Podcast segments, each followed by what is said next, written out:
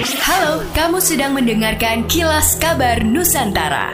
Podcast persembahan KG Radio Network menyajikan berita harian yang mengangkat keunikan dari berbagai wilayah Indonesia.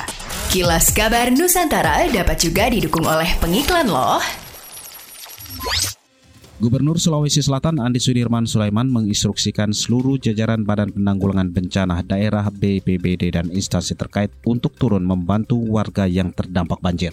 Tidak hanya proses evakuasi, Gubernur Andi Sudirman juga meminta Dinas Sosial untuk segera mendirikan dapur umum demi memastikan kebutuhan makanan pengungsi terpenuhi. Andi Sudirman berharap warga yang terdampak cuaca ekstrim khususnya banjir dalam kondisi selamat. Sementara Kepala BPBD Sulawesi Selatan Amson Padolo mengatakan pihaknya menyebar 10 perahu untuk membantu masyarakat yang terdampak di kota Makassar. Pihaknya melakukan koordinasi dengan Basarnas, Tim SAT, Pemda Kabupaten Kota termasuk kecamatan untuk melakukan tindakan tanggap darurat apabila terjadi bencana. Terpisah Kepala Pelaksana BPBD Makassar Ahmad Hendra Hakamudin melaporkan ketinggian banjir Makassar mencapai setinggi leher orang dewasa. Banjir disebabkan curah hujan yang tinggi sejak minggu malam. Kemudian turut diperparah dengan terjadinya air laut yang sedang pasang.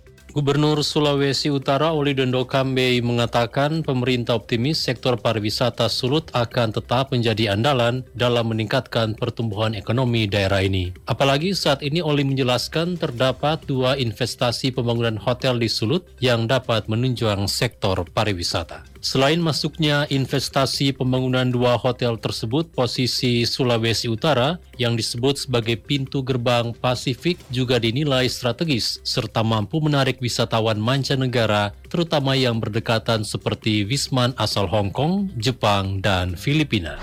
Demikianlah kilas kabar Nusantara pagi ini.